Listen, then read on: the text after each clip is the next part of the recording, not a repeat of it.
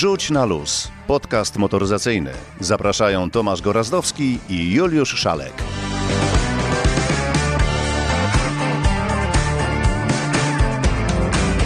Dzień dobry, dobry wieczór. W końcu nie wiadomo kiedy to pójdzie. Tomasz Gorazdowski. Juliusz Szalek chciałoby się powiedzieć dzień dobry, cześć i czołem.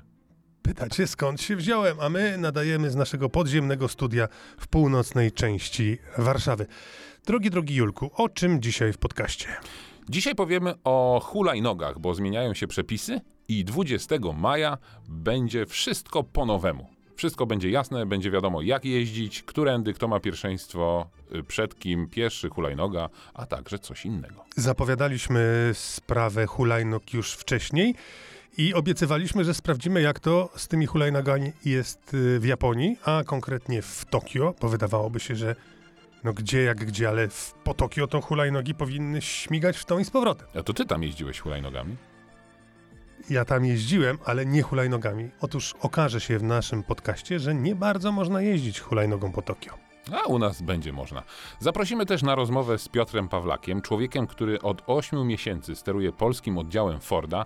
Dowiecie się skąd się wziął na tym stanowisku 33-letni chłopak i co robił w kadrze narodowej windsurfingu. No bo o Można planach, się tylko domyślać, że pływał. bo o planach Forda na najbliższe lata to oczywiście, że coś rozsądnego powie. Ja myślę, że między 2025 a 2030 rokiem nastąpi punkt, w którym ceny samochodów elektrycznych i konwencjonalnych będą na po podobnym poziomie. Dobrze. Zajmiemy się też taką ciekawostką, o której mało kto wie, jeżeli chodzi o bezpieczeństwo samochodów, a w zasadzie niebezpieczeństwo samochodów. To znaczy, jak łatwo jest namówić nasz samochód do współpracy z kim innym.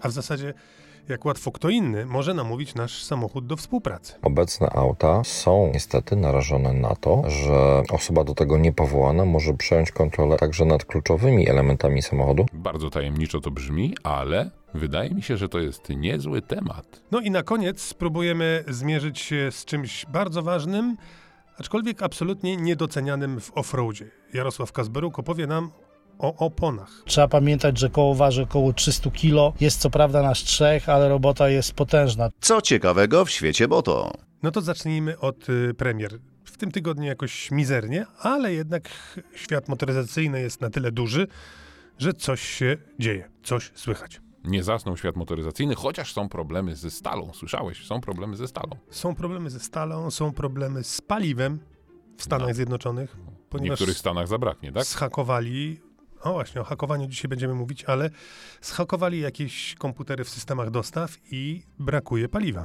Nie wiem, ja wczoraj musiałem odebrać paczkę z paczkomatu i też był problem, serwery siadły. No ale wracamy do motoryzacji. W ubiegłym tygodniu mówiliśmy dużo o Skodzie Fabii, a premiera y, tego samochodu, pierwsze zdjęcia zbiegły się z czasem z premierą innego samochodu zbudowanego na tej samej platformie y, podłogowej, czyli na odnowym Volkswagenie Polo. To jest taki mały samochód, który y, w zasadzie teraz nie taki mały. no właśnie, jest większy od pierwszych golfów i, i to jest właśnie zaskakujące, że choć zbudowany jest na tej samej platformie podwoziowej co ta Fabia, która nam się tak trochę podobała, trochę nie podobała, to Polo jest mniejsze, zdecydowanie mniejsze, bo to jest e, no, o kilka centymetrów krótsze i kilka centymetrów e, krótsze w rozstawie osi. Więc e, nowe Polo będzie mniejsze od Fabii, ale w środku zapowiedziano, że no, to będzie naprawdę cyfrowa rewolucja, więc będą wszystkie możliwe systemy cyfrowe i to uwaga, przecież Polo to jest nadal klasa samochodów miejskich. A kosztuje już zapewne tyle, ile klasa samochodów luksusowych. Dzisiaj będziemy o tym mówić, że samochody nam drożeją i będą drożyć w sposób zastraszający. W związku z tym, no co w związku z tym, jeżeli Kupować. chcesz kupić samochód, to kupuj, no pod warunkiem, że masz na to pieniądze. Można kupować jak się ma pieniądze, ale y, można też kupować y, samochody nie tylko niemieckie, o których y, w sumie jakoś tak y, wiele mówiliśmy, więc y, poruszyliśmy teraz kwestię samochodów z innego kontynentu i powiemy trochę o Hondzie, bo otóż okazuje się, że Honda HR-V, która no, doczekała się wreszcie swojego nowego wcielenia, co prawda na razie zadebiutowała w Stanach, więc y, chwilę jeszcze czasu zejdzie, aż y, dopłynie do Europy, ale HR-V będzie już tylko i wyłącznie hybrydą albo wersją elektryczną. I tam ciekawe, bo to nie będzie wcale duży silnik, to będzie silnik 1.5 benzynowy, yy, wspierany dwoma silnikami elektrycznymi o łącznej mocy w sumie wydawałoby się, że nie dłużej, bo to tylko 131 koni mechanicznych i 250 Nm. No ale w sumie jak się tym jeździ, to te silniki elektryczne powodują, że ta dynamika nie jest y, jakaś taka bardzo słaba. Zobaczymy, kolego, mówisz trochę na wyrost. Można tylko opierać się na tym, że jacyś inżynierowie Hondy wiedzą, co robią i paroma samochodami w życiu jeździli, w związku z tym ten też powinien jeździć dobrze, ale nie jeździliśmy i nie wiemy, czy te trzy silniki i te 131 koni dają sobie radę. Tu pełna zgoda, nie jeździliśmy, mamy nadzieję, że będziemy jeździli tymi samochodami niebawem, chociaż tak jak powiedziałem, one dopiero y, w przyszłym roku trafią do Europy. Podobnie zresztą jak nowa Honda Civic, która no to już jest naprawdę dinozaur. 11 generacja auta. I bardzo dobrze, że Honda nie zrobiła czegoś takiego jak na przykład kiedyś Toyota z Corollą, że podzieliła samochód i sedan był tylko jako y, Corolla, hatchback był jako zupełnie inny model. Tutaj cały czas jest stary, poczciwy Civic w 11 odsłonie i tam również auto zadebiutowało w Stanach Zjednoczonych. No bo wiadomo, że te japońskie koncerny tak na tą Europę, to, to mam, mam wrażenie, że tak patrzą z przymrużeniem oka, bo co tutaj jest za sprzedaż? Niedużo. I ja też się cieszę, że 11. Cieszysz się, że jest 11. Ale nie godzina, tylko 11 odsłona nowej Hondy Civic. Ale, Ale nie, wiem, nie wiem, czy się ucieszysz, bo w Stanach możesz taką Hondę Civic kupić z dwulitrowym wolnosącym silnikiem. No niestety w Europie wymyśliliśmy sobie, a nawet wymyśliliśmy sobie, Brawo. że y, mamy zupełnie inne normy emisji spalin, więc y, dwulitrowy wolnosący silnik się nie, nie, nadaje. Może być co najwyżej 1.5 turbo, który ma 180 koni, no ale trzeba wziąć pod uwagę, że y, Civic troszkę urósł. Y, może na długość nie, ale zmienił się rozstaw osi samochodu o kilka centymetrów, a jak nieraz mówimy długość, długość, no długość rozstaw osi ma znaczenie, kilka centymetrów ma znaczenie, więc pewnie i masa wzrosła. Więc te 180 koni, no to nie będzie żaden potwór. Najważniejsze jednak, co się zmieniło w Civicu, to no, kojarzysz poprzednie generacje. Ten Civic zawsze był jakiś taki no, w miarę odjechany, kosmiczny. Coś A najbardziej kosmiczny był ten kosmiczny. No właśnie. Ten przedostatni chyba, tak? Przedostatni, tak? jak nie jeszcze przed przedostatni. Ale, był ale, ale wszystkie były faktycznie dość kosmiczne. To teraz uwaga, nowy Civic jest bardzo stonowany, i co ciekawe, w Stanach debiutuje jako sedan. Ciekawe, czy w Polsce i w Europie będzie też oferowany jako sedan, bo niektórzy już na sedanach położyli krzyżyk. Postawili, położyć można co innego. Natomiast jeżeli chodzi, jeszcze raz i na koniec nawiązując do tego Civica, no to fajnie, że zdecydowali się utrzymać nazwę i już jest 11 wersja, bo to taka ikona motoryzacji. Civic, Golf, Focus, Corolla. Corolla. Bo to też wróciła tak. To są samochody, które naprawdę mają już sporo lat i fajnie czasami sobie prześledzić, że na przykład y, kiedyś pierwszy Golf, to, to sprawdzaliśmy, zresztą rozmawialiśmy o tym nieraz, że pierwszy A, Golf... sprawdzaliśmy, tak? Sprawdzaliśmy, Aha. tak, sprawdzaliśmy, że pierwszy Golf był mniejszy od dzisiejszego y, APA w rozstawie osi i w długości. Zobaczcie, jak ta motoryzacja się zmieniła. Te samochody dzisiaj to są, chociaż nam się wydaje, że zawsze są ciasne w środku, to one są po prostu dzisiaj olbrzymie. Jeśli wsiądziecie do pierwszego Golfa, no to jakbyście wsiadli do jakiegoś małego pudełka po zapałkach z kołami. Ja miałem Golfa 2. I jakie tam wrażenia? No pamiętasz, czy było ciasno, czy nie? Pewnie byłeś szczęśliwy i w ogóle... O, oczywiście, byłem szczęśliwy. Zakochany, wszystkie, jak ciebie znam. Wszystkie pieniądze wywaliłem na tego Golfa. I pamiętam tylko, że rozładowywał się akumulator i nikt nie wiedział dlaczego. I no, czasami ta frajda z posiadania golfa była trochę mniejsza, ale był srebrny, pamiętam. Ha! Ty to zawsze jak powiesz, to mnie coś w głowie zaświta. Powiedziałeś, że rozładowany akumulator. To powiem ci, że ADAC, taki niemiecki automobil klub, co roku przygotowuje mm, Ranking rap, raport, rozładowanych akumulatorów. raport awaryjności samochodów. Kiedyś opowiemy, y, bo to jest w sumie niezły temat na osobną audycję, jak ten raport powstaje, ale okazało się, że w ubiegłym roku, który wiadomo był pandemicznym rokiem, jedną, no nie, naj, najpoważniejszą usterką wśród samochodów, takich do 10 lat, czyli i nowych, i starych, i kilkuletnich, był co? Rozładowany akumulator. A to oznacza, że coraz mniej jeździmy, samochody stoją, no a później jak wsiadamy po jakimś czasie, to akumulator po prostu nie ma siły. A jakbyś miał takiego Golfa pierwszej generacji, to tam akumulator na pewno Zapaliłby. zapaliłby, bo tam nie było nic elektrycznego, nic, żadnej elektroniki, nic. Czysta mechanika, no i tylko zapłon. Nie, ja jeździłem często, tylko że w poniedziałek jeździł, a we wtorek już niestety nie można go było odpalić. Taki to był urok tego mojego srebrnego golfa. Dwa słowa o Daci i to chyba dwa słowa nie najlepsze, bo tylko dwa. Dwa słowa, a tak naprawdę dwie, Dwie gwiazdki. E, tak, faktycznie Dacia Sandero e, no nie na piątkę zdała egzamin z Euro NCAP, czyli e, z, no, z test na bezpieczeństwo, tylko dwie gwiazdki na pięć możliwych. Te testy organizacja Euro NCAP robi regularnie. No tutaj niestety mm, ta ochrona i w, jeśli chodzi o dorosłych, i dzieci, i pieszych nawet, y, nie jest za wysoka. Systemy bezpieczeństwa, bo to jest nowa kategoria od jakiegoś czasu badana przez Euro NCAP, też nie wypadła y, wysoko, nie, nie wypadła dobrze, no ale akurat z tym to nie ma się co dziwić, no bo po prostu to nie jest zaawansowany samochód, jeśli chodzi o elektronikę, jeśli chodzi o systemy wspierania. I tak się zastanawiam, na ile to jest ważne dla osób kupujących Dacia Sandero, a są to osoby dysponujące stosunkowo niewielką ilością pieniędzy, no bo kupują taki samochód. Skoro wiadomo, że mamy tyle i tyle pieniędzy i starczy nam to w zasadzie tylko na to, to czy ten samochód ma jedną gwiazdkę czy trzy, to chyba nie ma żadnego znaczenia. Też się nad tym zastanawiam i wydaje mi się, że taką mam własną teorię, że w przypadku budżetowego samochodu, jakim jest Dacia Sandero, to nie ma znaczenia. Jakby godzimy się z pewnymi niedomaganiami czy z pewnymi oszczędnościami, które powodują, że ta cena jest niska. Ale gdyby to był jakiś markowy samochód, który by dostał nie 5 gwiazdek, a kosztuje, no tak jak każdy średni samochód 150-200 tysięcy, To leżałby na łopatkach. to, to, to by było tak, to by było dyskwalifikujące. Więc, więc jeśli mówimy o Daci Sandero i samochodzie budżetowym, mnie to nie dziwi. No po prostu płacimy no, taką, taką cenę za taką jakość. Genesis Shooting Brake. Mówiliśmy, że to będzie samochód, który będzie tylko i wyłącznie w Europie. No ale jak dokopaliśmy się z tą Europą, jest tak.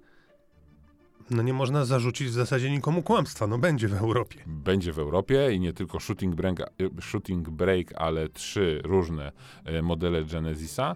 No ale okazuje się właśnie, że w Europie, a tak naprawdę tylko w trzech europejskich krajach, Polska nie jest w tym gronie. I gdzie będzie? Niemcy, Wielka Brytania i jeśli dobrze pamiętam, Szwajcaria? No, ale żyjemy w Zjednoczonej Europie w związku z tym, no jeżeli będzie w Niemczech i ktoś będzie chciał, no to będzie i w Polsce. Dokładnie i to jest dobra wiadomość, bo jeśli będzie w Niemczech, to będziemy mogli kupić to auto bez cła, no bo ten samochód kupować będziemy z Unii Europejskiej.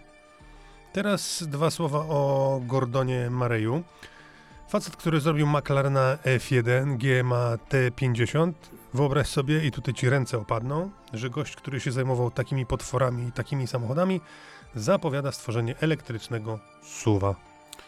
Opadła mi jedna ręka, bo wszyscy zapowiadają elektryczne suwy, ale, ale jeśli bierze się za to Gordon Murray, to zwiastuje to no, nie lada y, sukces i nie lada konstrukcję, bo to jest facet, który mm, może trochę będę się teraz mądrować, ale jestem świeżo po lekturze Mądry. biografii y, Niki Laudy i to jest przecież facet, konstruktor, który tworzył zespół McLarena i konstruował te samochody i y, przypomniała mi się właśnie teraz ciekawa historia, że w, nie pamiętam, na początku lat 70. bodaj skonstruował bolid, który oprócz silnika y, potężnego, oprócz, oprócz aerodynamiki miał dodatkowe wiatraki, które powodowały docisk bolidu do y, asfaltu.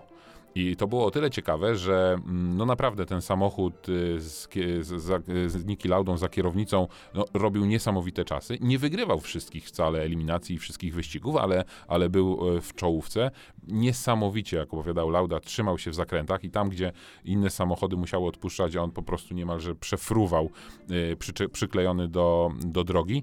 Y, ale co ciekawe i co się nie zdarza chyba już w dzisiejszym sporcie i w dzisiejszej formule, sam zespół stwierdził, mimo że to był samochód y, regulaminowy, że wycofuje go i nie będzie startować. Wystartował tylko przez jeden sezon. Taka oto historia. Wrzuć na luz. Skorzystaj ze sprzęgła. To przejdźmy teraz do spraw, które być może bardziej nas dotyczą niż McLaren F1, no bo będą dotyczyć mnie, będą dotyczyć ciebie, a mam na myśli zmianę przepisów, która wchodzi już za chwilę, już w maju. I między innymi będzie dotyczyć e, ta zmiana hulajnóg, które do tej pory były tak mm, traktowane, no tak na dobrą sprawę nie wiadomo Nie jak. wiadomo co, dokładnie. Y, to wszystko tak naprawdę wzięło się od tych hulajnóg, które no, pojawiły się kilka lat temu i w sumie nikt nie wiedział, jak je traktować. Czy to jest rower, czy to jest, y, no nie wiadomo co, bo na początku oczywiście była moda na hulajnogi, takie, można by powiedzieć, analogowe, Analogowe. nie manualne, czy nożne. Wszystko się może zdarzyć, bo jak mawiał Jan Tomaszewski, zdolności manualne nogi są mniejsze niż zdolności manualne ręki. W związku z tym piłkarzom nie zawsze wszystko wychodzi, szczególnie nasze. Ale kierowcom, y, bo teraz chyba już można tak mówić o osobach, które jeżdżą hulajnogami, wydaje się, że chyba są y, naprawdę świetnymi i wybitnymi kierowcami, bo no, pewnie sam miałeś nieraz sytuację taką, że łapałeś się za głowę i co ten człowiek na hulajnodze robi? Nie. Nie? Nie, ja powiem ci szczerze, być może tutaj pójdę w- pod prąd trochę i wbrew wszystkiemu, ale ja daję hulajnogistom, użytkownikom hulajnóg naprawdę daleko posuniętą swobodę. O ja cię. Niech jeżdżą jak chcą. Ja też często korzystając z hulajnóg, Jeździsz jak chcesz. no wykorzystuję możliwości, że no nie będę tego rozwijał, ale no hulajnoga trochę po to jest, żeby, żeby szaleć, byle nie y, przekraczać no już takich i Absurdów. absurdów i standardów bezpieczeństwa kompletnych. Właśnie wczoraj w Warszawie widziałem, jak jechała sobie para na hulajnodze, gdzie mówi się, że hulajno, na hulajnodze może być tylko jedna osoba i tak przydzwonili, że aż mi było żal. No. No ale sami sobie winni, więc jak sami, to jeszcze pół biedy. A te zmiany przepisów, tak jak powiedziałeś, że widziałeś dwie osoby jeżdżące na hulajnodze, no to teraz wreszcie będzie to unormowane i zakazane. Hulajnoga jest pojazdem jednoosobowym, dwuosiowym, elektrycznym, z kierownicą i uwaga, bez siedzenia, bo cały problem wydaje mi się w tych regulacjach, które 20 maja wchodzą i, i wiele rzeczy regulują, ale nadal wiele rzeczy zostawiają w sumie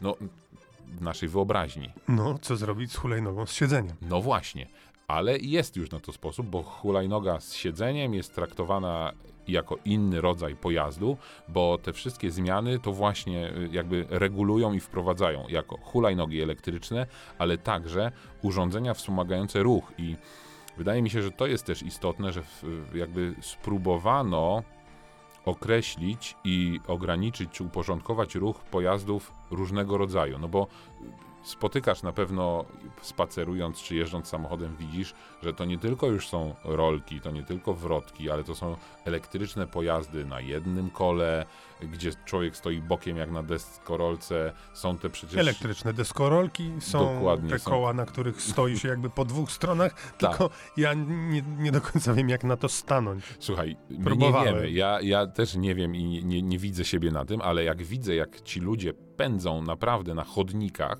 to chwytam się za głowę. I teraz wreszcie jakby unormowano to, chociaż jak mówię, no te przepisy już z założenia też są dziurawe, ale przynajmniej jest jasno powiedziane, że e, tego typu pojazdy muszą jeździć po ścieżkach rowerowych. Tam jest też pozostaje jeszcze kwestia, kto ma pierwszeństwo, czy pieszy przed takimi pojazdami, czy nie, ale najważniejsze, chociaż trudne do y, zweryfikowania i skontrolowania, jest y, określenie prędkości, bo przepis, y, który wchodzi 20 maja, mówi jasno, że na chodniku, jeśli taki pojazd jeździ, to ma się poruszać prędkością zbliżoną do pieszego. No ale teraz jak to udowodnić, skoro taki pojazd nie ma prędkościomierza? Nie każdy rower ma prędkościomierz. Więc część Hulajnogi elektryczne mają prawie wszystkie prędkościowe. hulajnogi tak, ale, ale nie, y, nie wszystkie. Nie wszystkie.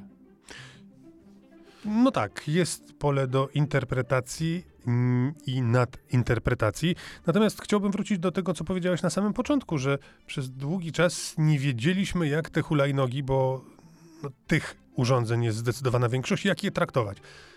No dlaczego nie traktować je po prostu tak jak rowerów? Poruszają się na ścieżkach rowerowych, mają takie prawa jak rowery, zbliżoną prędkość.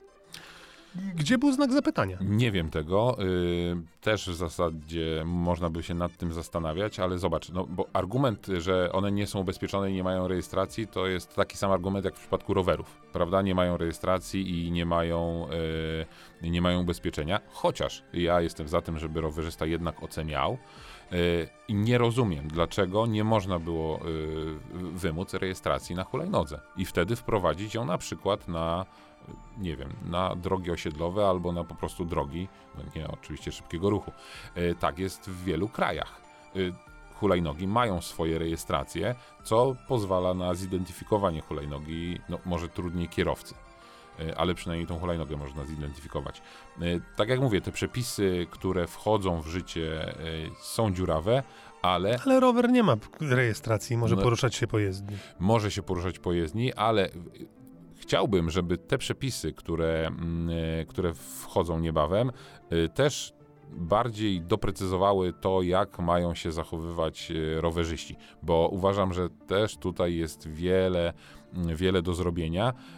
Y, Już nieraz y, mówiłem, y, że kiedyś wybrałem się na przejażdżkę rowerem na ścieżce rowerowej i to był pierwszy chyba i ostatni raz, bo jest taki ruch duży i niektórzy tak szybko jeżdżą, że naprawdę to można by było porównać do drogi osiedlowej, na której samochody jeżdżą z prędkością 80 km na godzinę. I nie rozumiem też, dlaczego rowerzyści, a tak naprawdę nie rozumiem, dlaczego policja nie interweniuje, jeśli rowerzyści, mając ścieżkę rowerową, wybierają drogę, yy, drogę normalnie. Być może dlatego, że na, po drodze mogą się poruszać szybciej i nie bezpieczniej. mogą. Jeśli jest ścieżka rowerowa, muszą jeździć na ścieżce rowerowej. Nawet jeśli jest ścieżka pieszo-rowerowa. To oczywiście powoduje, że muszą jeździć wolniej, ale nie mogą jeździć na chodniku. A jedzenie stygnie. A jedzenie stygnie. No to ja zawsze mówię, że y, tak samo mógłbym powiedzieć, pędząc samochodem, no ale to już do rowerzystów nie dociera. A też czasami jestem rowerzystą, czasami jestem pieszym, czasami jestem kierowcą. Ale jak się okazuje, mój drogi, sprawa uregulowań dotyczących hulajnóg nie jest wcale taka prosta. Co Nie- prawda, kiedy spróbowałem elektrycznych hulajnóg w sieci wypożyczalni, a pierwszy raz pamiętam było to w San Diego, byłem zachwycony, wszystko działało, jeździliśmy jak chcieliśmy, to wydawało się, że tak będzie na całym świecie. Otóż w Tokio, mieście, które znane jest ze swojej innowacyjności, znane jest z tego, że ma fantastycznie rozwinięty transport szynowo-kolejowy, gdzie samochodem praktycznie nic, nic i nikt nie jeździ, że to są stworzone warunki do tego, by śmigać bezpiecznie po ulicach elektryczną hulajnogą. I tak mi się wydawało, że będę jeździł, kiedy pojadę na igrzyska w Tokio, że pomoże mi to w szybszym przemieszczaniu się. Otóż okazuje się, że nie. Pierwsza sprawa, że na igrzyska nie pojadę, a druga sprawa, że nawet gdybym pojechał, to elektryczną hulajnogą raczej nie miałbym szansy się poruszać. O zbadanie sprawy, co zapowiadaliśmy już wcześniej, poprosiłem naszą koleżankę z Tokio, Dominikę Giordano. Hulajnogi nie śmigają po japońskich ulicach, nie śmigają też po chodnikach, bo na drodze do mody na ten jakże przyjemny i łatwy w użyciu środek lokomocji stoją japońskie przepisy.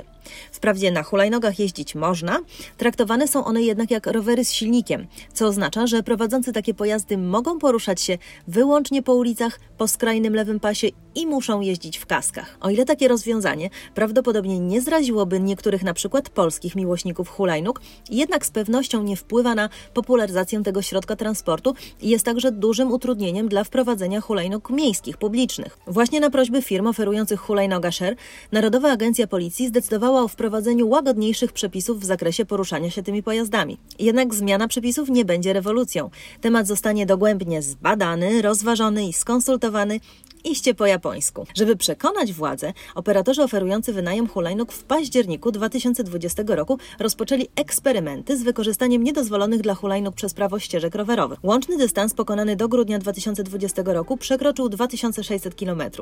W styczniu operację przeanalizowano i okazało się, że nie odnotowano żadnych wypadków drogowych ani wykroczeń z udziałem hulajnóg. W odpowiedzi na te wyniki Narodowa Agencja Policji zdecydowała się zaklasyfikować hulajnogi elektryczne jako specjalne małe pojazdy silnikowe, które można prowadzić bez kasku poza obszarami o dużym natężeniu ruchu gdzie trzeba założyć kask. Na hulajnodze będzie można jeździć po ścieżkach rowerowych, ale aby móc jeździć na hulajnodze elektrycznej po drogach publicznych, cały czas trzeba będzie mieć prawo jazdy. Ze względów bezpieczeństwa prędkość pojazdu nie będzie mogła przekraczać 15 km na godzinę. To jednak tylko zapowiedź zmian. Ostateczna decyzja w tej sprawie zostanie podjęta po zebraniu wyników kolejnego eksperymentu, tym razem przeprowadzanego przez Narodową Agencję Policji. W ramach eksperymentu trzy firmy wynajmować będą obywatelom hulajnogi elektryczne do poruszania się po ścieżkach rowerowych w kilku wyznaczonych obszarach w Japonii. W Tokio na przykład będzie to dzielnica Chiyoda, Shinjuku i Setagaya. Oczekuje się, że podczas eksperymentu od 50 do 100 pojazdów zostanie udostępnionych do wynajęcia w każdym z tych obszarów. Zgodnie z zaleceniami Narodowej Agencji Policji, hulajnogi elektryczne będą musiały spełniać określone kryteria. Muszą mierzyć 140 cm długości i wysokości, ważyć 40 kg lub mniej i osiągać maksymalną prędkość 20 km na godzinę. Uczestniczący w eksperymencie firmy zostaną również poproszone o prowadzenie dziennika podróży swoich hulajnóg i przekazywanie raportów, gdy dojdzie do wypadku. Aby móc jeździć pojazdami po drogach publicznych, kierowcy muszą posiadać prawo jazdy na motorowery, kask i wykupić obowiązkowe ubezpieczenie OC. Eksperyment zaczął się w kwietniu, a od 3 sierpnia do 1 września Narodowa Agencja Policji przeprowadzi publiczne konsultacje w sprawie hulajnóg i zapyta obywateli za pośrednictwem internetu i poczty, co sądzą na ten temat. Zatem kiedy dokładnie zostanie podjęta ostateczna decyzja i hulajnogi zostaną dopuszczone do ruchu na łagodniejszych zasadach, jeszcze nie wiemy. Osoby, które będą miały szczęście i przyjadą na igrzyska i chciałyby na przykład używać hulajnogi w wiosce olimpijskiej, mogą to zrobić jedynie na starych zasadach. Czyli w kasku, z prawem jazdy i po ulicy. A zatem, jak słyszycie, nie jest tak różowo. Było 9 milionów rowerów w Pekinie, nie ma nawet miliona hulajnóg w Tokio. Ciekawe, czy hulajnogi tam są traktowane jako urządzenia transportu osobistego, jak w Polsce. Niesamowita historia. Dan.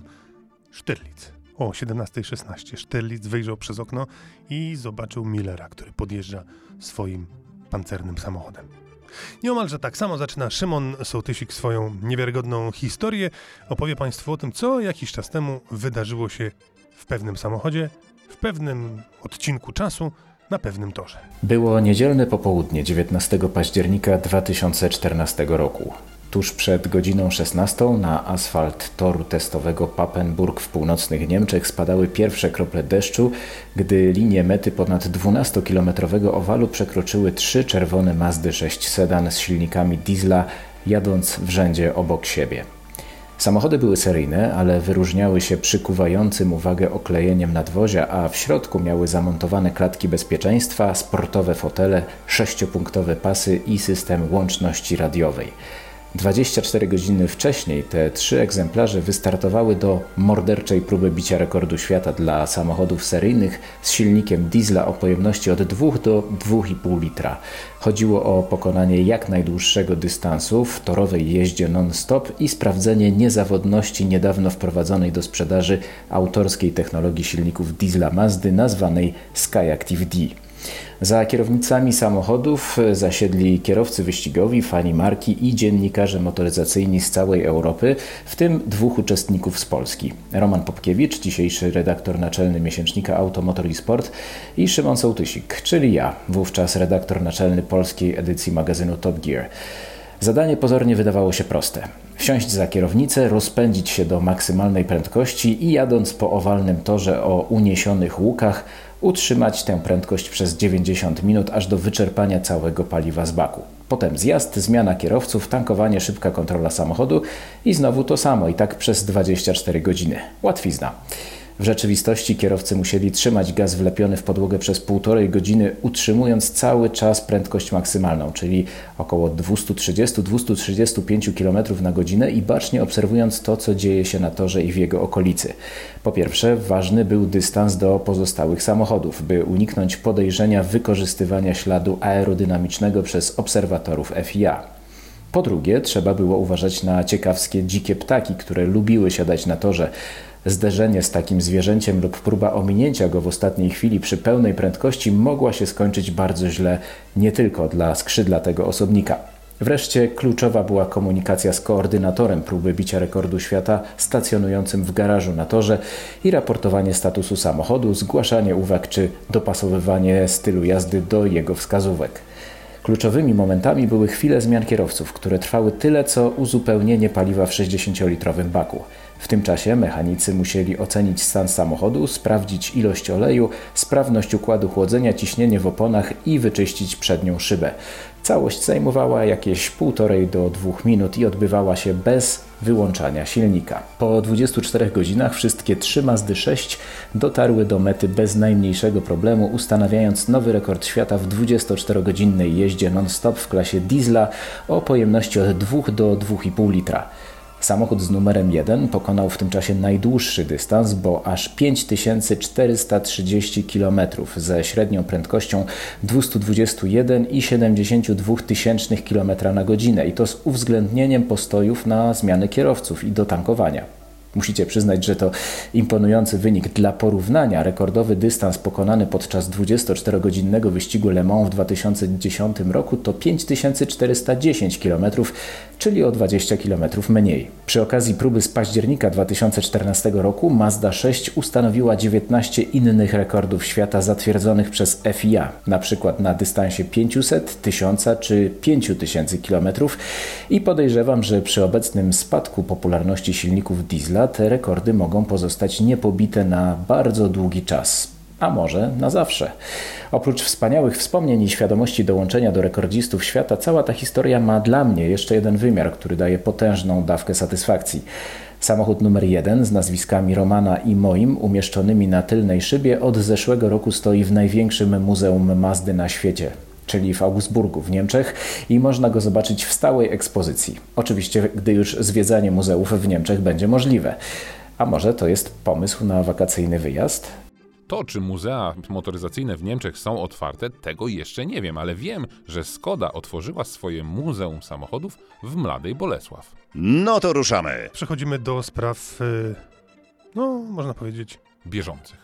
I poważnych. Zaprosiliśmy do rozmowy prezesa polskiego oddziału marki Ford, Piotra Pawlaka. Człowieka, który od 8 miesięcy już siedzi za sterami i rządzi tą firmą. Usłyszycie, jakie ma plany i co robił na tej desce windsurfingowej. Ford zapowiedział, że już w zasadzie za parę lat zrezygnuje z samochodów spalinowych. Czy już ochłonęliście po tej informacji? Yy, No bo jak to się przełoży na nasz rynek, na polski rynek? Myślę, że nie mieliśmy tak naprawdę z czego ochłonąć, bo my na tą rewolucję jesteśmy gotowi. To jest y, świetna wiadomość dla nas, y, dla Forda w Europie, dla Forda w Polsce, że Ford taką strategię elektryfikacji obrał.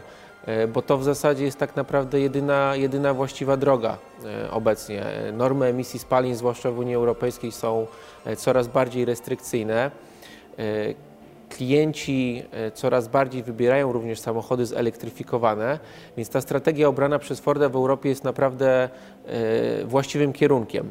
E, Strategia Forda w Polsce jest w zasadzie bardzo podobna do tej strategii europejskiej. My stawiamy na samochody dostawcze, na samochody typu SUV, na samochody zelektryfikowane, więc ta, te inwestycje w elektryfikację Forda są bardzo dobrym, e, dobrą wiadomością dla, dla Forda w Polsce.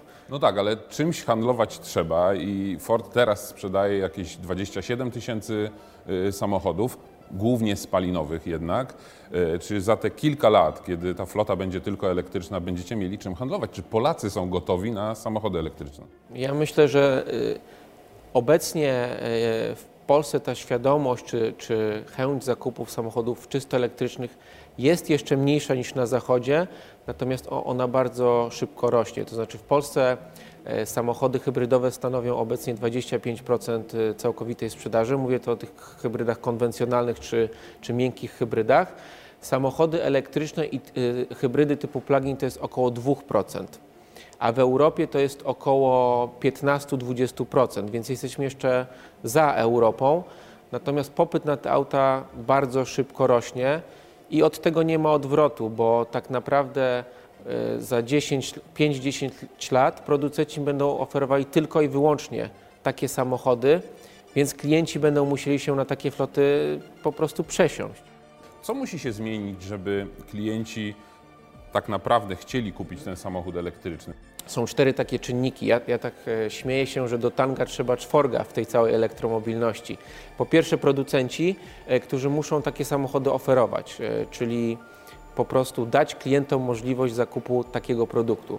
Producenci bardzo mocno stanęli na wysokości zadania, tak? no bo obecnie tych samochodów elektrycznych, zelektryfikowanych hybryd jest na rynku masa i ich będzie coraz, coraz więcej.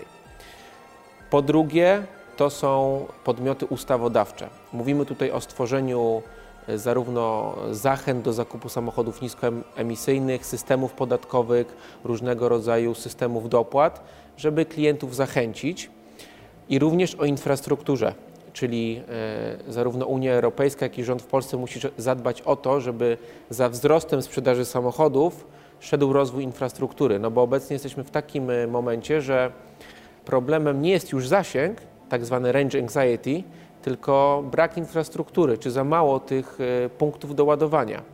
I to już jest kwestia stworzenia takiego systemu infrastruktury, żeby te samochody łatwo było ładować. Mówiąc w skrócie, punktów ładowania musi być tyle, ile stacji benzynowych. No dobrze, ale samochód elektryczny ma sens, jeśli możemy go ładować w domu mhm. albo w pracy. Zgadza się. Tak naprawdę liczba tych słupków szybkiego ładowania nie jest na tyle ważna, no bo przecież prąd w tych słupkach jest zdecydowanie droższy. Więc chodzi o to, żeby samochód ładować tanim prądem przez dłuższy czas, czyli przez noc albo przez okres pracy. E, więc mówiąc o tej infrastrukturze, ma Pan na myśli liczbę słupków, czy raczej Y, jakieś y, hmm, mechanizmy, które po prostu stworzą możliwość tworzenia sobie punktu ładowania u siebie w domu. Tak naprawdę i to i to. Słupki są potrzebne główne w, głównie w trasie, natomiast możliwość ładowania w domu, no to jest, jest, po prostu potrzebna, żeby taki samochód miał sens. Weźmy pod uwagę, że nawet w Warszawie dla wielu ludzi, którzy mieszkają w blokach, no obecnie nie ma żadnego takiego systemu, który by umożliwił instalowanie ładowarek, czy to w parkingach podziemnych, czy i, i, to jest problem. To nie jest w żaden sposób określone. Sam wiem, bo mieszkam w, w centrum Warszawy, mam parking podziemny i pytając się e, administratora, czy mogę sobie założyć ładowarkę, nikt nie wie w ogóle o co chodzi.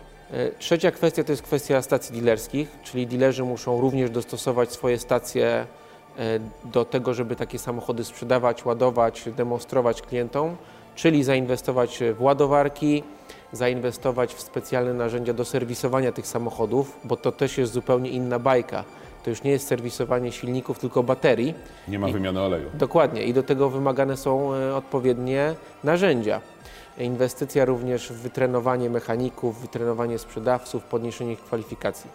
No i ostatnia kwestia to jest kwestia klientów, czyli klienci muszą chcieć takie samochody kupować. E, to jest związa związane ze świadomością ekologiczną, to jest związane z pewnego rodzaju modą na elektryki. Taka moda w krajach zachodnich ma już miejsce, to znaczy ludzie świadomie, na przykład w Wielkiej Brytanii, e, chcą więcej zapłacić za auto elektryczne, bo przez to w pewien sposób przyczyniają się do poprawy jakości powietrza. Więc również klienci muszą e, chcieć takie samochody kupować, czyli zamiast sprowadzać na przykład stare samochody z zagranicy, jak to ma miejsce w Polsce, no to kupować nowe, czyste, technologicznie zaawansowane, niskoemisyjne samochody. Wspomniał Pan o modzie. E, do tej pory wydawało mi się, że mówiąc o samochodach elektrycznych, jednak mówimy o tym, żeby ograniczać koszty związane z eksploatacją tych samochodów. Nigdy w sumie nie patrzyłem na to, że to jest tylko i wyłącznie moda. Czy, czy generalnie polski klient jest taki, że liczy pieniądze i mówi nie, to ja wolę kupić jeszcze diesla, bo on będzie mnie taniej wychodził przy eksploatacji, czy właśnie elektryk jest tańszy, no bo na przykład mam fotowoltaikę w domu i będę y, ładować ten samochód za darmo. Myślę, że polski klient jest bardzo pragmatyczny i jednak liczy na razie, co mu się bardziej e, finansowo opłaca. Samochody są coraz droższe, no bo y, obserwujemy taki trend, że auta po prostu drożeją. Już nie mówię o tych samochodach elektrycznych, które są w porównaniu do konwencjonalnych y, bardzo drogie. Czy to wynika z tego właśnie, że, że tych technologii mamy tyle? Tak, to również wynika z tego, dlatego że obecnie y, producenci inwestują w różnego rodzaju technologie i nie do końca wiedzą, która z tych technologii będzie technologią przyszłości, którą warto inwestować, no i zwrot z inwestycji jest mniejszy, no bo nie mamy tylko dwóch silników, benzyny, diesla, tylko mamy technologii 5 czy 6, w związku z czym ekonomie skali e, na każdą z technologii są mniejsze. Ceny samochodów elektrycznych będą coraz niższe, e, dlatego że będzie się zwiększała ich sprzedaż, koszty produkcji baterii będą coraz niższe, te baterie są coraz bardziej zaawansowane, no i te koszty produkcji będą spadać. To kiedy będą te samochody elektryczne tańsze? Ja myślę, że między 2025 a 2030 rokiem nastąpi punkt, w którym e, ceny samochodów elektrycznych i konwencjonalnych będą na po podobnym poziomie. A czy temu y, obniżaniu cen pomoże różnego rodzaju współpraca? Ford ogłosił współpracę z Volkswagenem. Powstanie mniejszy samochód elektryczny na platformie MEB. Tu są dwie płaszczyzny tej współpracy. Pierwsza płaszczyzna to są samochody dostawcze, czyli my będziemy dla Volkswagena y, produkować samochody na bazie Transita oraz Rangera, czyli naszego pick-upa, a Volkswagen będzie dla nas produkował mały samochód dostawczy. Drugi wymiar to są samochody osobowe, no i my tutaj będziemy korzystać z platform Volkswagena do produkcji samochodów elektrycznych osobowych na rynek europejski. Taki pierwszy samochód y, Forda wyjedzie już niebawem, za dwa lata w 2023 roku z fabryki z Kolonii i to będzie owoc tej, tej współpracy. Cały design tego samochodu, jak on będzie wyglądał, środek, to, będzie, to będą zupełnie inne, inne, inne samochody. One się będą bardzo różniły od siebie, także będzie zdecydowanie widać te, te różnice e, między Volkswagenem i Fordem. Tylko na, na poziomie platformie, platformy jest ta, jest ta współpraca, na poziomie tego, czego klient nie może zauważyć, mówiąc w prosty sposób. Nie wspomniał Pan nic o sedanach. Czy los sedanów jest już przesądzony? Sprzedaż klasycznych samochodów segmentu typu D bardzo spadła. Ona w Polsce w tym roku jest poniżej już 3% i ten rynek się zdecydowanie w Europie e, kurczy, maleje. Może Pan potwierdzić, że faktycznie Evos wejdzie w miejsce Modeo? Evos to jest samochód na rynek chiński. Na razie nie ma planów, żeby ten samochód był w Europie.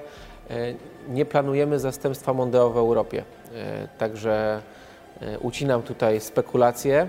Nie mogę nie zapytać e, o jedną rzecz. Z jednej strony pochodzi Pan z motoryzacyjnej rodziny, gdzieś ta motoryzacja była cały czas w domu. Ostatnie 13-12 lat spędził Pan poza Polską. Jak te wszystkie doświadczenia e, przekłada Pan na rynek nasz tutaj lokalny, polski? No tak, e, ja miałem przyjemność, możliwość pracy zarówno w Europejskiej Centrali jednego z producentów samochodów. Pozwoliło mi to na złapanie takiej perspektywy europejskiej, nauczenia się wielu, e, zdobycia doświadczenia, poszerzenia kompetencji w zakresie tego rynku europejskiego. E, Potem miałem e, możliwość e, pracy na rynku brytyjskim, który jest w zasadzie po Stanach Zjednoczonych najbardziej zaawansowanym rynkiem sprzedaży samochodów w Europie. Więc możliwość rozwoju zawodowego, poszerzenia moich kompetencji była olbrzymia. No i z tym doświadczeniem przyjechałem do Polski i, i, i bardzo dużo ciekawych pomysłów, inicjatyw, e, doświadczeń, które tam zdobyłem, wprowadzamy w strategii Forda w Polsce. Nie chcę tutaj zdradzać e, konkretów, bo na tym budujemy naszą przewagę konkurencyjną, ale pomysłów mamy bardzo dużo. E, Brakuje tylko godzin w ciągu dnia, żeby je wszystkie zrealizować.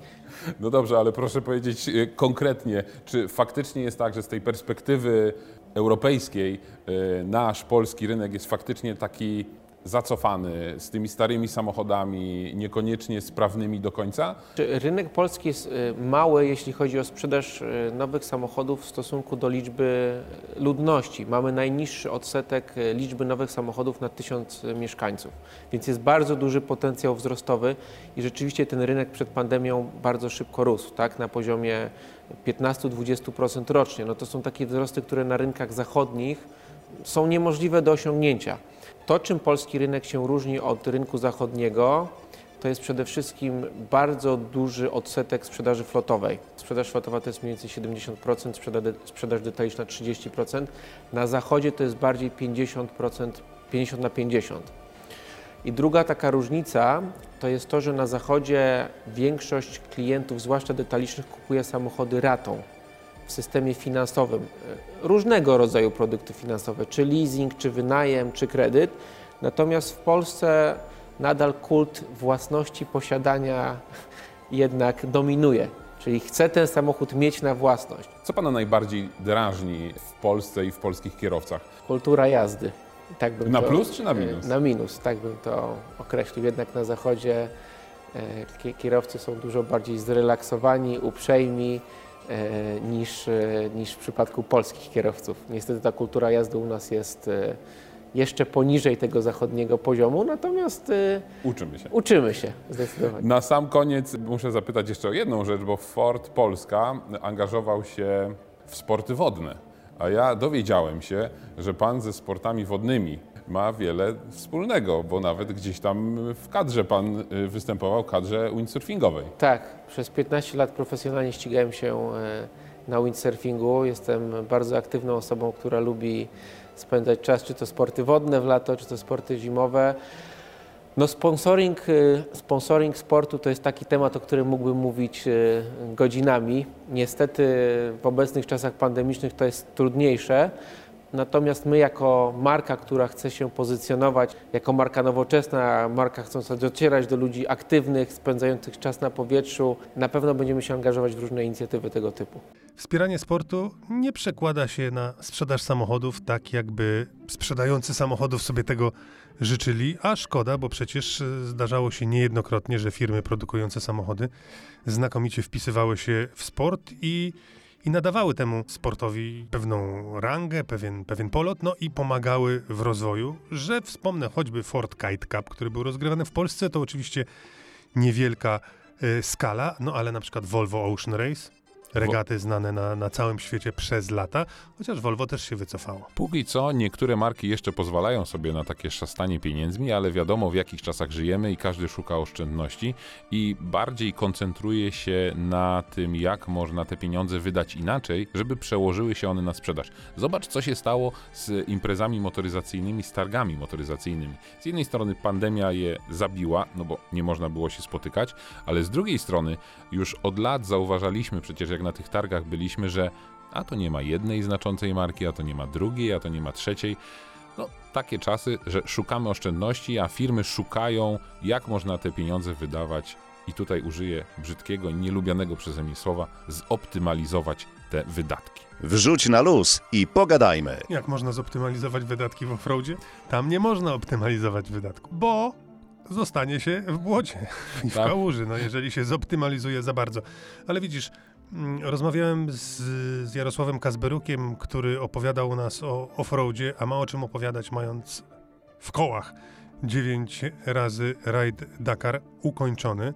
W związku z tym wielokrotnie okazywało się, że czasami mniej ważne jest to, co pod maską, a już zupełnie nieważne jest, ile zapłacił ktoś za samochód, którym się pakuje, bo można zapłacić furę i można nie optymalizować wydatków w żaden sposób. Natomiast jeżeli pojedzie się w teren na nieodpowiednich oponach, to nic z tego nie będzie. Trzeba będzie chodzić po traktor. A opony tanie nie są.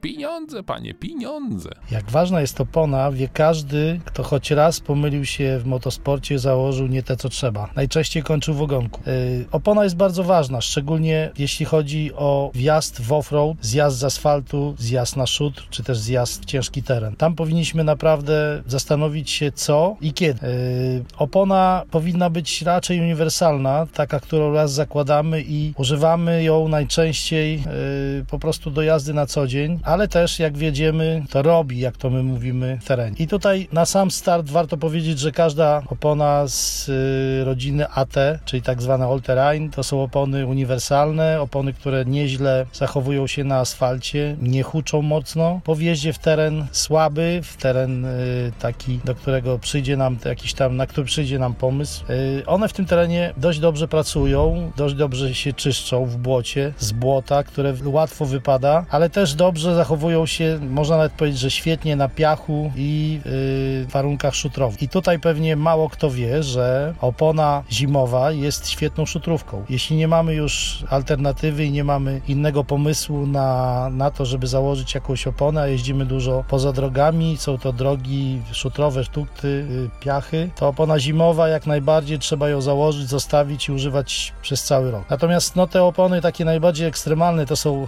e, opony z rodziny MT, czyli Matt Terrain, to są opony, które się świetnie zachowują yy, na błocie, one najczęściej mają bardzo agresywny bieżnik, one się błyskawicznie czyszczą, odpadają te kawałki błota, nie zalepiają się i pracują nieźle w takim terenie. Yy, ale trzeba pamiętać, że jak wyjedziemy na asfalt, to z uwagą, bo już hamowanie nie takie jak powinno być, bo ta opona jednak nie ma tego bieżnika yy, zbyt dużo i przy hamowaniu na śliskiej nawierzchni po opadach deszczu najczęściej jedziemy bez trzymanki, jeśli jest za duża prędkość. No miejmy to na uwadze. Yy, czarne złoto, tak mówią często wyścigowcy, rajdowcy yy, i trzeba pamiętać, że opony się zmienia, że należy je zmieniać i dobierać odpowiednio do terenu. Yy, I taka może anegdota, bo mało kto wie, jak się szybko zmienia opony w samochodach rajdowych, samochodach cross country, w samochodach, w których ja, którym ja się ścigam, czyli te wszystkie rajdy typu Dakar, typu Silkway, długie long dystanse, ale też po drodze dużo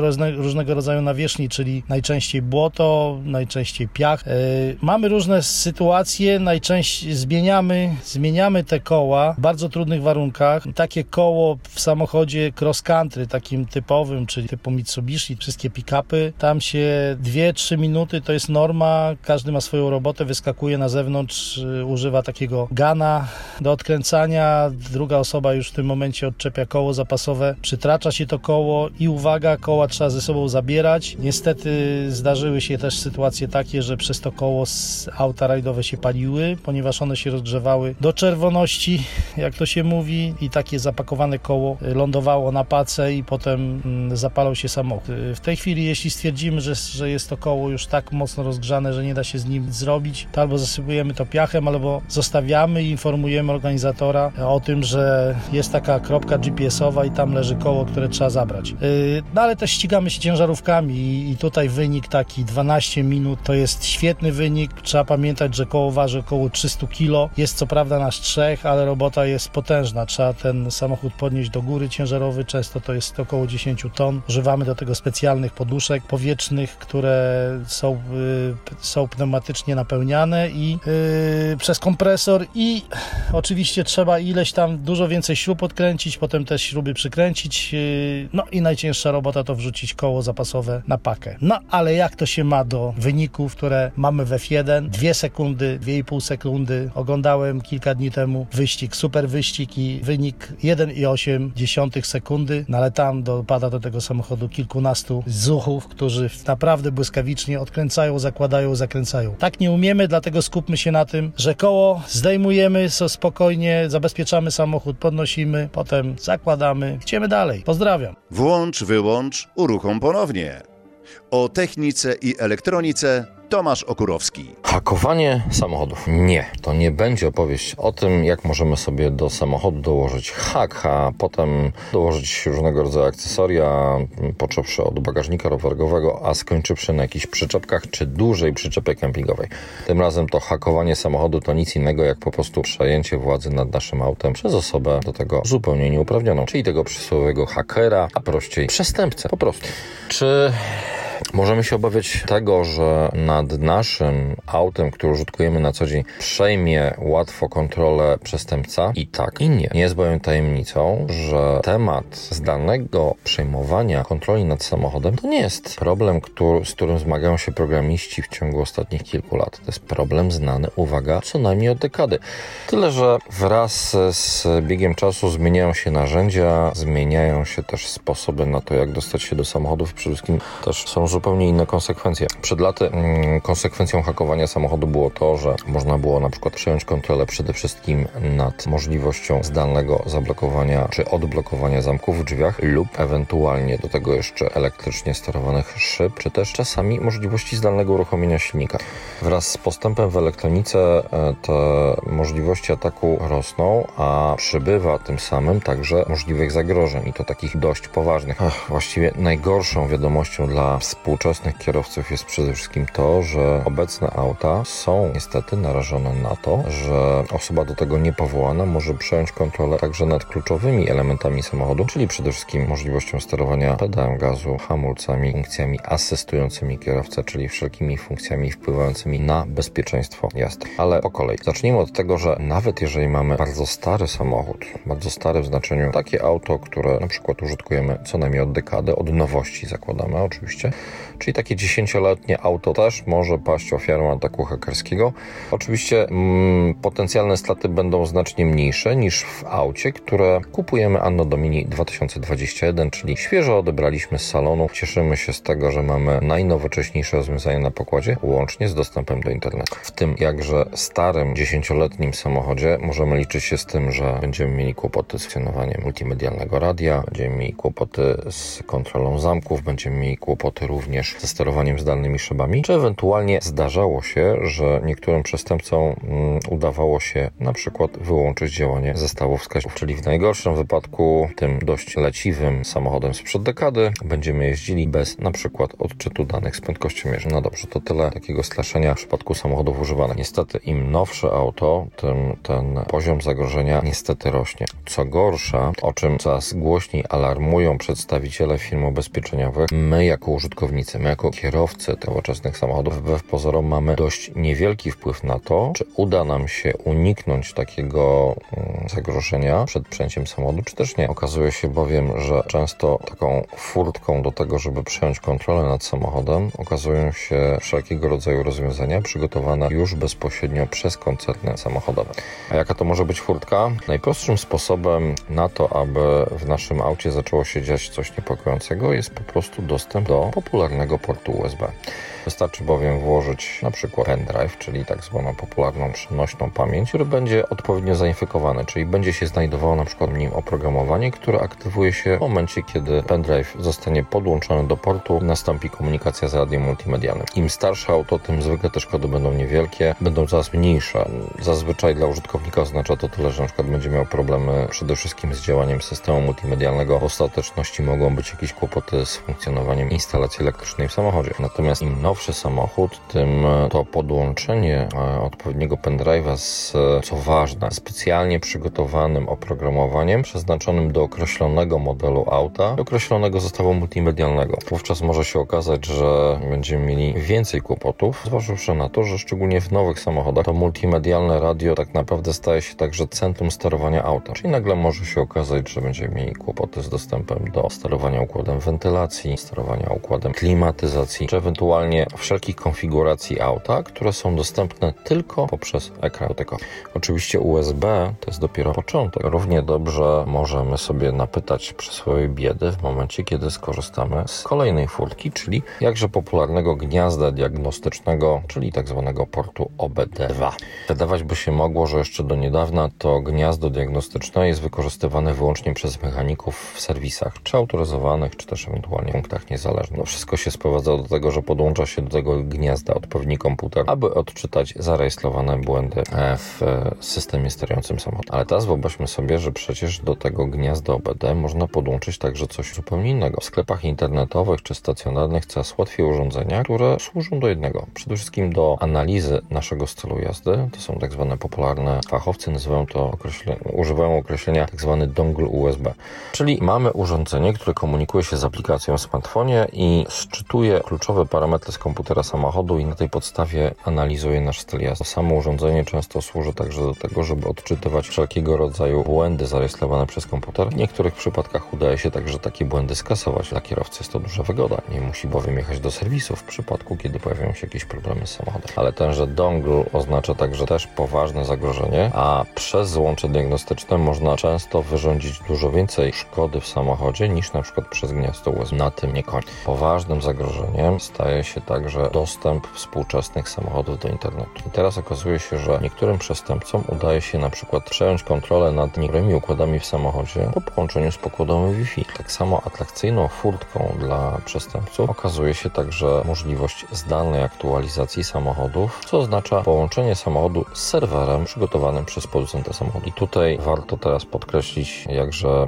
niepokojące doniesienia ze strony koncernów czy firm ubezpieczeniowych. Otóż eksperci firm ubezpieczeniowych alarmują alarmują, że kolejną potencjalną furtką dla hakerów są serwery, na których producenci samochodów przygotowują czy umieszczają pliki z aktualizacjami do pobrania przez wszystkie samochody podłączone do internetu. Może się zatem okazać, że będzie dokonywana automatycznie aktualizacja, może pobrać nie tylko pliki aktualizacyjne przygotowane przez koncern samochodowy, ale także odpowiednie pliki, które dorzucili przestępcy. A to oznacza, że trzeba się liczyć z dość poważnymi problemami. Miałem okazję zobaczyć, jak wygląda taki potencjalny atak hakerski na jedno z popularnych e, kombi niemieckiej marki. Celowo nie będę wspominał, dlatego że zastrzegano, że właściwie wiele samochodów marek z całego świata można zhakować w podobny sposób. Wszystko sprowadza się do tego, że wystarczy pobrać fałszywe oprogramowanie i wówczas może się okazać, że na przykład na ekranie radia medialnego otrzymamy komunikat o konieczności uiszczenia odpowiedniego haraczu, aby mieć święty spokój, a potem może się okazać, że nagle na przykład prędkościomierz przed nami będzie wskazywał maksymalne wartości, jakie są dostępne. To tylko kilka przykładów. Równie dobrze może zdarzyć się tak, że na przykład nasz kluczyk już przestanie służyć nam do tego, abyśmy mogli zdalnie odblokować i zablokować zamki, ewentualnie otworzyć tylną klapę uruchomioną elektrycznie, czy w ostateczności nawet będziemy mieli kłopoty z uruchomieniem samochodu, a zdarza się też także, że będziemy mieli kłopoty z wyłączeniem silnika. No tyle straszenia. Co możemy zrobić? Niestety niewiele. Okazuje się, że nawet jeżeli zachowamy e, maksymalną ostrożność, to znaczy nie będziemy podłączali do samochodu e, telefonów z aplikacjami z nieznanego źródła, będziemy się wystrzegali przed podłączeniem e, niesprawdzonych pamięci USB, będziemy pilnowali tego, aby samochód był wyłącznie obsługiwany przez autoryzowany serwis. To mimo wszystko zagrożenie wciąż jest spore. Na pocieszenie dodam tyle, że wbrew pozorom nie jest w interesie hakerów, aby nagle e, sprawić nam psikusa i na przykład z użytku jakiś milion aut. Jest to oczywiście możliwy scenariusz, tym bardziej, że pojawia się kolejne źródło, dzięki któremu można się dostać już nie do pojedynczego auta, czy nawet do setek aut, można się dostać do setek tysięcy samochodów. Otóż wystarczy, i taki eksperyment był przeprowadzony, że będziemy mogli wysyłać informacje na przykład do pokładowej nawigacji o tym, że wszystkie drogi dookoła są zakorkowane, a wówczas taka fabryczna nawigacja będzie próbowała za wszelką cenę znaleźć taką drogę, by ominąć korki. A wyobraźmy sobie, że nagle podróżując nowoczesnym samochodem, nasza pokładowa